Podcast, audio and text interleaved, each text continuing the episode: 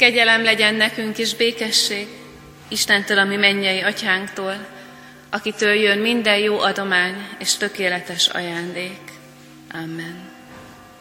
Nagy szeretettel köszöntöm a ma esti gyülekezetet, így fönnállva énekléssel kezdjük meg az Isten dicséretünket, Isten tiszteletünket. 226. dicséret első versét énekeljük fennállva, a második, harmadik és negyedik verseit pedig a helyünket elfoglalva.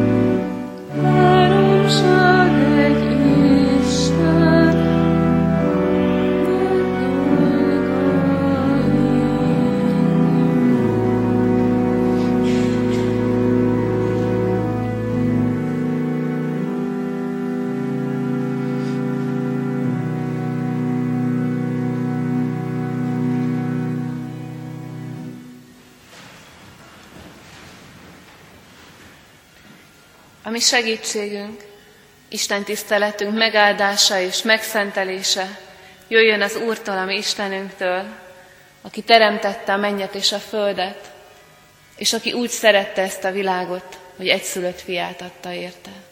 Amen. Csöndesedjünk el imádságra.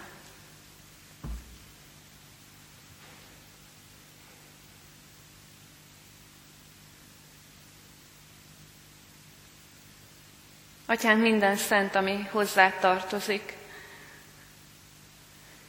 Köszönjük, hogyha megszentülhet a vasárnapunk is. Köszönjük, hogyha megszentülhet az esténk. Hogy neked adhatjuk, és te cserébe, meggazdagítva, elmélyítve adod vissza. Köszönjük neked a hetet, ami mögöttünk van.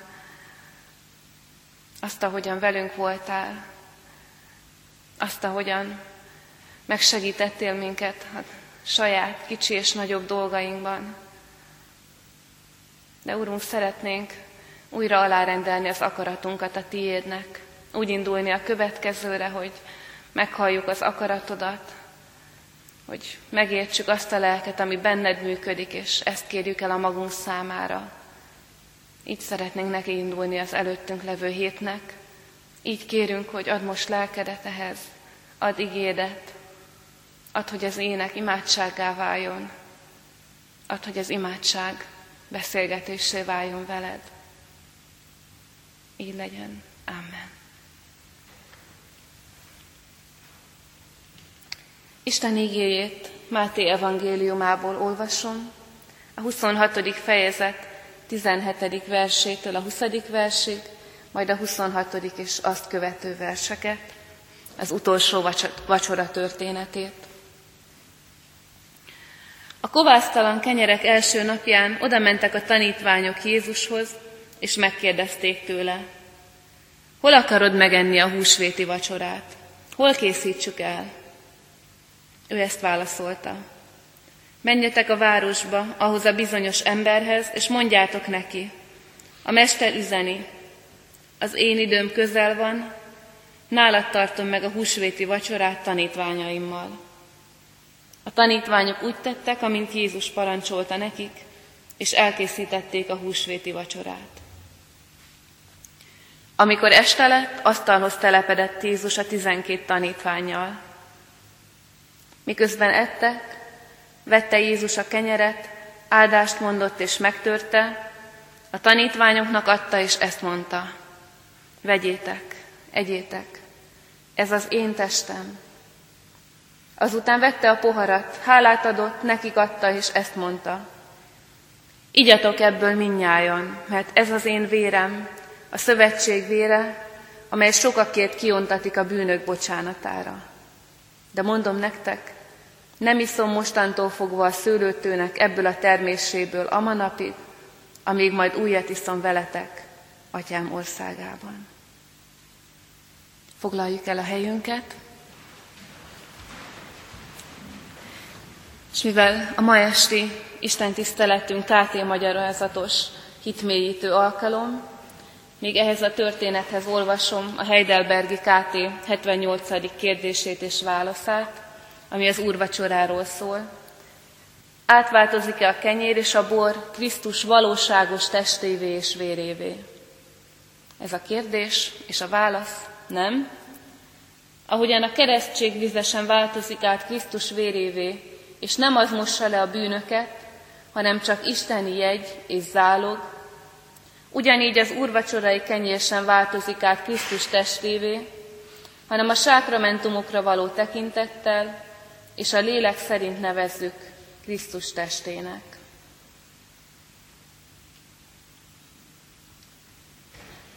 Hát ez egy olyan kérdés, amihez nem könnyű kapcsolódni. A legegyszerűbb kapcsolódás, ami első látásra vagy első hallásra talán nagyon reformátusnak hangzik, meghalljuk ezt a kérdést, hogy átváltozik-e a kenyér és a bor Krisztus valóságos testévé és vérévé, és nagyot ütünk az asztalra, és, vagy az előttünk a padra, és azt mondjuk, hogy persze, hogy nem, reformátusok vagyunk, mit mondanánk. Lehet így is kérdésekhez hozzáállni, nem egyszer így állunk hozzá, át se gondoljuk a kérdést, van egy válasz, amit, amit azt gondoljuk, hogy mondanunk kell, amit megtanítottak, amit kikérdeztek tőlünk, amit elvárnak tőlünk, vagy egyszerűen csak egy olyan válasz, amivel szembe tudok másokkal fordulni, adott esetben most a római katolikus vagy más keresztény testvéreinkkel, és azt át sem gondoljuk a kérdést, azt mondjuk, hogy nem. Lehet így is, csak csak ezzel magunkat is megfosztjuk attól, amit Isten ma készített nekünk. Azt gondolom, hogy sokkal emberibb az a, az, az őszinte rácsodálkozás, ami azt gondolom, hogy legtöbbünket ma jellemez, ha ezt a kérdést meghalljuk, hogy hát, hogy lehet egyáltalán ilyet kérdezni. Kinek jut eszébe ilyet kérdezni ma, hogy az úrvacsorai kenyér és bor az átváltozik-e valóságosan Krisztus vérévé és testévé. Hát ha igazán belegondolunk, hogy miről szól ez a kérdés, akkor beleborzolgunk. Nem, nem értjük igazán. Ugyanakkor pedig valószínűleg mindannyian tudjuk, hogy micsoda testvérháborúkat szült ez a kérdés keresztény feletek, felekezetek között évszázadokkal ezelőtt és évszázadokon keresztül.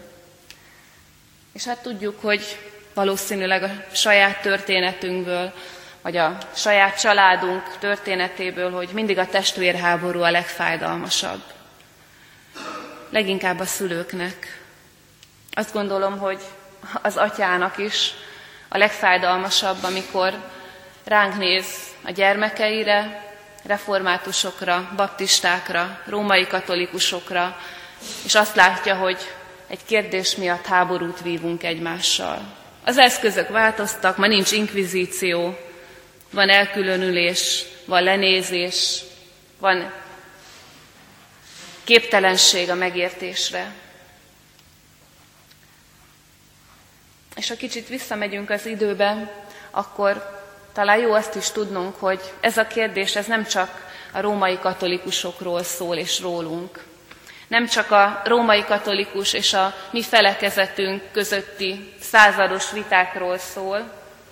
Luther Márton, aki ugye az evangé- egyáltalán a reformáció e- elindulásának az eszköze volt, aki az evangélikus egyház alapítója emberileg, ugye ismerjük az életét, az utolsó lehelletéig küzdött a római katolicizmus minden elferdülése ellen. A hittételek ellen, ami, aminek közesen volt már a Krisztus tanításához, a, a vállalhatatlan ö, keresztény életvitelhez, ami akkor jellemezte a római katolikus egyházat, és mégis, mikor először leült hitvitát folytatni az úrvacsoráról Úr, Úrik Cingilivel, aki a mi református felekezetünknek az atya volt, még korábban indult el az ő köze- környezetében a reformáció, mint Calvin közelében. Mikor Luther Mártól leült Zwinglivel az úrvacsoráról beszélgetni, hát nem fölállt, hanem kirohant a teremből a végén, és a, mendem, vagy a monda szerint vörös fejjel azt üvöltötte, hogy inkább visszatérek a római katolikus egyházba, mint hogy közösséget vállaljak olyanokkal, akiknek az úrvacsora csak egy emlékvacsorát jelent, és semmi többet.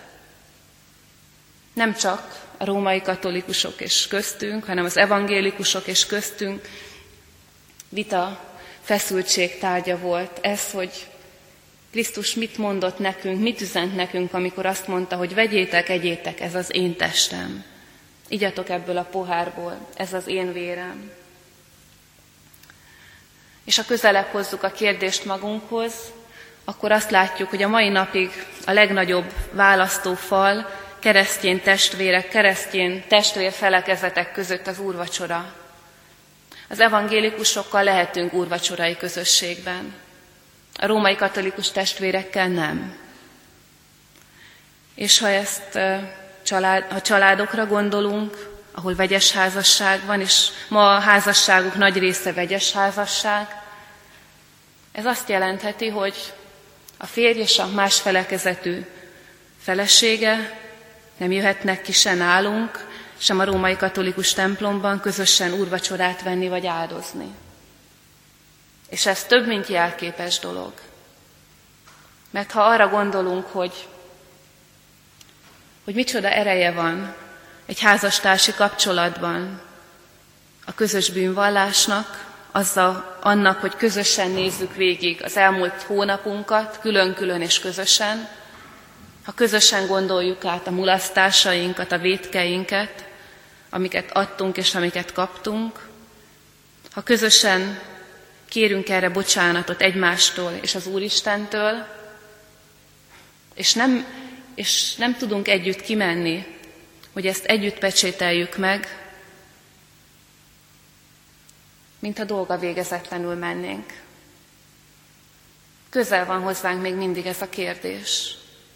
Vagy ha egy vegyes házasság családban konfirmál a gyermek, vagy bérmál a gyermek, az édesapja, az édesanyja nem állhat mögé, nem vehet vele első úrvacsorát, nem állozhat vele. Nagyon valóságosak azok a falak, amiket mi magunk húztunk, éppen azért, mert mindenki a maga értelmezéséhez ragaszkodva próbálja megérteni és megélni az úrvacsorát. Azt gondolom, hogy ha az úrvacsorára gondolunk, akkor ma este nem az a feladatunk, hogy eldöntsük ezt az évszázados kérdést. Nem az a feladatunk, hogy megcáfoljuk akár az evangélikusok vagy a római katolikusok értését az úrvacsora felől. Arra hív bennünket ez a kérdés, hogy azt gondoljuk át, hogy nekünk mit jelent. Az, hogy Krisztus azt mondja, vegyed, egyed, ez az én testem, amely te érted töretett meg. Igyad, ez az én vérem, amit te érted ontatott ki. És ne csak egyénileg gondoljuk át, hogy nekem mit jelent ez, hanem mit jelent nekünk, Kecskeméti református gyülekezetnek, mit jelent a református egyháznak, Jézusnak ezek a szavai. És még egy megjegyzésem, hogy legyen bennünk annyi alázat, és legyen bennünk annyi szeretet a más felekezetű testvéreink iránt, hogy elismerjük azt, hogy mi nem értjük pontosan, hogy ők mit vallanak az Úr vacsorájáról. Olvastam olyan református magyarázatát ennek a KT kérdésnek, ami úgy kezdődik, hogy hát gyakorlatilag nem nehéz megcáfolni ezt, amit a római katolikus testvérek mondanak, hogy a kenyér és a bor Krisztus valóságos testévé és véré változik. Hát ha így lenne, akkor a kenyérnek, amit a szánkba veszünk, húsíze lenne. A bornak, amit iszunk, véríze lenne és föláll a szőr az ember hátán, ha erre gondol, de hát azért azt sejthetjük, hogy a római katolikus testvéreink sem így értik az úrvacsorát. Legyen bennünk annyi alázat, hogy elfogadjuk azt, ahogyan ők értik, és keressük azt, ahogyan mi értjük az Isten igéje alapján. És az első részválaszom erre a kérdésre, hogy mit jelent az, hogy Krisztus azt mondja, hogy ez az én testem és vérem, az nagyon egyszerű. Jézusnak ezek a szavai szóképek, metaforák, ha úgy tetszik, amiből annyit használt Jézus, amikor a tanítványait tanította, annyit használ, amikor bennünket tanít. Amikor azt mondja, hogy én vagyok a szőlőtő, ti pedig a szőlővessző ugyanezt teszi. És egyikünk se úgy gondol Jézusra, mint egy növényre, hanem, hanem mégis értjük az üzenetét ennek a szóképnek. Jézus azt mondja nekünk ezzel, azt szeretné még mélyebben belénk plántálni a kép által, hogy minden energiánk, minden életünk belőle jön. Ha nem hozzátartozunk, ha nem vele tartjuk szorosan a kapcsolatot, elhervadunk. Egy egyszerű. És ugyanezt teszi Jézus, amikor azt mondja, hogy én vagyok az út az atyához. És megint tudjuk, Jézus nem egy út, nem találjuk meg a térképen, ő egy személy, akivel beszélni tudunk, akit meghallunk, akit közelérzünk magunkhoz, máskor meg nagyon távol. És mégis azt tapasztaljuk, hogy Tényleg igaz. Az atyával, apa és gyermek kapcsolatba csak Jézuson keresztül jutunk. Értjük, hogy mit mond ezzel a képpel, hogy én vagyok az út. Ezért az első válaszom, vagy válaszunk az lehet, hogy amikor Jézus azt mondja, hogy ez az én testem és ez az én vérem, akkor Jézus képszerűen azt mondja, hogy hát ezzel erősítelek, ezzel táplálok benneteket. Ezt, amikor meghalok, akkor ti valahogy az úrvacsorán keresztül ebben részesültök. Képes beszéd. Így értette ezt Ulrich Zwingli az első reformátor a református egyházban. És mégis érezzük, hogy azért érdemes ennél tovább menni. Tovább ment ennél Kálvin János is, és nekünk is jó tovább menni, mert a tapasztalatunk az mégis az, hogy ez az úrvacsora valahogy mégis több. Mégis több, mint egy jelkép. Mégis több, mint hogy kimegyek, és arra gondolok, hogy ja, egyszer Jézus 2000 éve így vacsorázott a tanítványaival. Talán mindannyiunknak van már élménye, hogy mit jelentett egy-egy úrvacsora nekünk. Hogy könnyített rajtunk. Hogy bátorított meg. Több ez, mint egy egyszerű emlékezés. Csiha Kálmán néhány éve elment erdélyi püspök. Püspökünk úgy fogalmazott, hogy az úrvacsora az egy lelki fénykép. És azt mondta, hogy ahogy sokan a kedveseinknek a képét a tárcánkban hordjuk, vagy ma már inkább a telefonunkban, hogyha azt elővesszük, és megmutatjuk valakinek, a családunkról beszélünk, a házastársunkról, a gyerekünkről, és azt mondjuk, hogy ez a kisfiam. És persze, hogy nem ez a kisfiam. Ez egy darab papír, egy fénykép, vagy egy kép a telefonban. De mégis, mégis a fiamat jelenti a számomra. És az úrvacsora is ilyen értelemben a Krisztus teste és a Krisztus vére nekünk. Ezt jelenti, így hat, így gondolhatunk rá, ilyen érzésekkel mehetünk azt venni, hogy ez az én megváltomnak a, a lénye.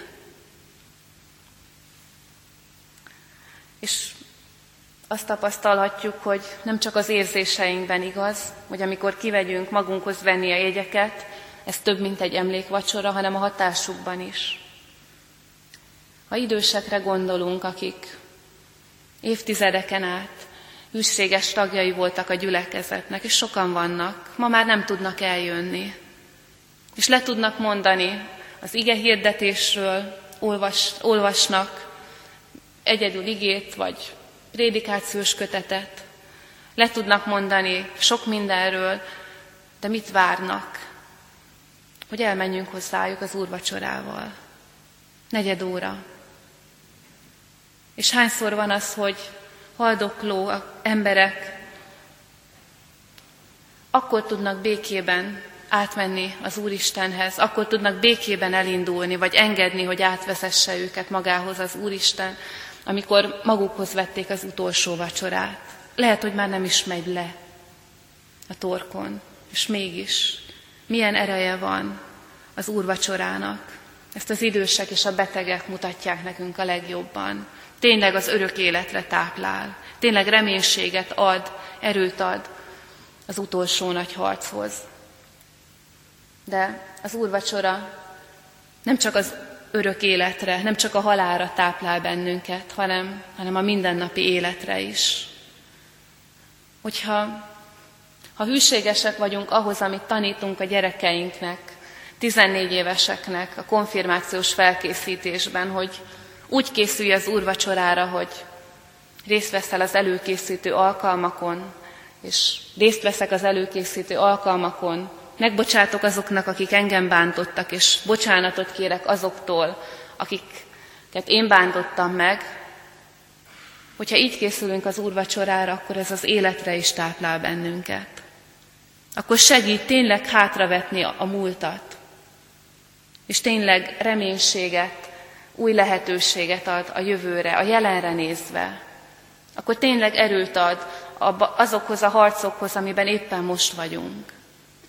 Így táplál bennünket az életre az úrvacsora. Ime hitünk szent titka. Ezt mondják római katolikus testvéreink minden áldozás, minden úrvacsora alkalmával. És a titkot azt végső soron nem boncolgatni, nem szétszednünk kell, hanem hálásan megélni, és engedni, hogy ezen keresztül az Isten azt végezze el, amit ő akar. Így adjon nekünk hűséget a készülésben, majd az úrvacsorára, így segítsen bennünket jobban-jobban megérteni az úrvacsora titkát. Amen. Válaszul Isten üzenetére a 436. dicséretünk negyedik és ötödik verseit énekeljük. Úrvacsorai énekünk, már most nem veszünk úrvacsorát, mégis jó megvallani, hogy mit tesz ez a vacsora velünk. Negyedik vers így kezdődik, tisztogass meg, bűnből most meg, kegyelmedből, Istenem.